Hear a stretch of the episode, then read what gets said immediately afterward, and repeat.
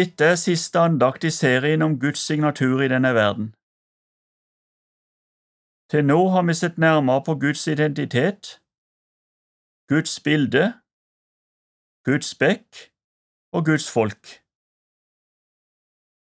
Og i dag så har jeg som avslutning på denne serien lyst til å si litt om Guds tidsperspektiv.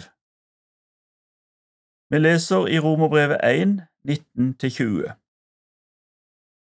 For det en kan vite om Gud, ligger åpen for dem, for Gud har åpenbart det for dem.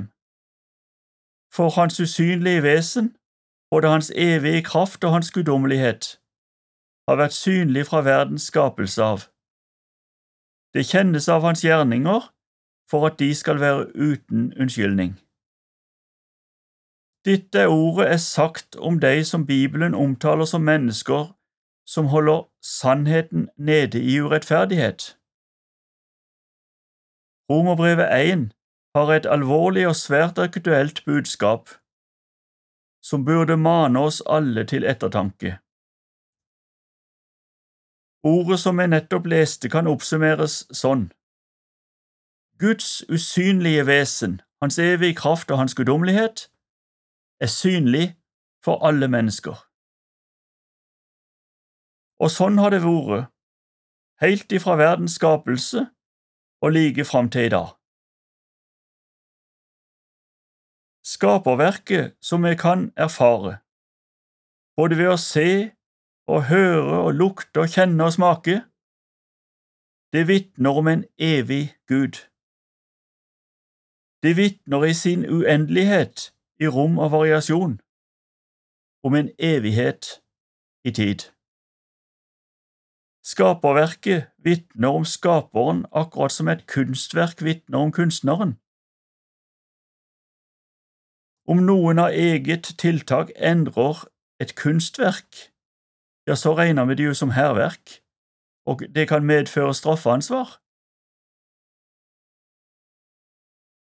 Et sentralt ord i teksten vår er evig. Dette er et ord som vi ikke forstår, men bare kan ane. Og vi er ikke avhengige av å forstå det heller. Fra jeg var ganske liten og var med til gudstjeneste, så husker jeg uttrykket En sann Gud fra evighet og til evighet. I dag, som voksen og mange år seinere, så sier jeg at dette det er en svært spesifikk, nøyaktig og korrekt beskrivelse. Vi må òg være klar over at alt Gud gjør, det gjør han med hensikt og i et evighetsperspektiv. Svært mye er vi avhengig av her og nå, i øyeblikket, men det har likevel alt sammen evigheten for øye. Vi har i sterk kontrast til dette så ofte øyeblikket for øye. Og vår utålmodighet, den er et resultat av vår korte tidshorisont. Men vi må først og fremst holde fast på at Gud aldri går fra sitt ord. I 2. Peter 3, 8–9 står der, Men én ting må dere ikke være blinde for, mine elskede. For Herren er én dag som tusen år, og tusen år som én dag.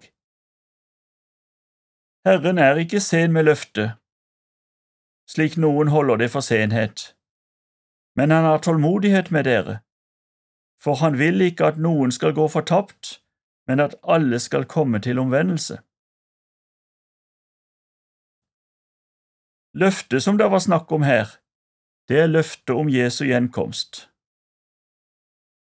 Sammenligner vi vår tidsregning med Guds tidsregning, så ble Jesus født i forgårs, og profetiene om Jesu fødsel er tre dager gamle. I dag regner kanskje mange med at Jesus aldri kommer igjen, for det har jo gått så lang tid. Dessuten har mennesker i vår tid profetert om når Jesus skulle komme igjen, gjentatte ganger, og de har alle sammen tatt feil. Jeg har lyst til å si dette er siste, det er fånyttes. For Bibelen sier at selv ikke englene i himmelen vet dagen eller timen. Jesus ble født i Betlehem da tidens fylde kom, står der. Og så har jeg lyst til å si han kommer igjen ved tidens fylde. Det betyr at tingene skjer etter Guds plan og nøyaktig når Han har bestemt. Når tidens fylde er, må vi bare overgi til Han. Det viktige er at her og nå er det nådetid for oss mennesker, der alle som vender om til Han, opplever at Gud allerede har åpnet veien til himmelen. Det er noen mennesker som sier jeg er ikke religiøs, eller jeg er en hedning. Men dette er jo det beste utgangspunktet som tenkes kan, for Jesus sier at han kom for å oppsøke og frelse det som var fortapt. Lukas 19,10 Han drøyer med sin gjenkomst nettopp fordi han vil at alle skal komme til omvendelse, leste vi i 2. Peter 3,9. Da burde vi ha fokuset der. Vi er jo gitt alle muligheter. Du har lyttet til Over en åpen bibel, og andakten var ved tidligere misjonær og fritidsforkynner Knut Olav Raen. Serien produseres av Norea Mediemisjon. Les mer om oss på norea.no.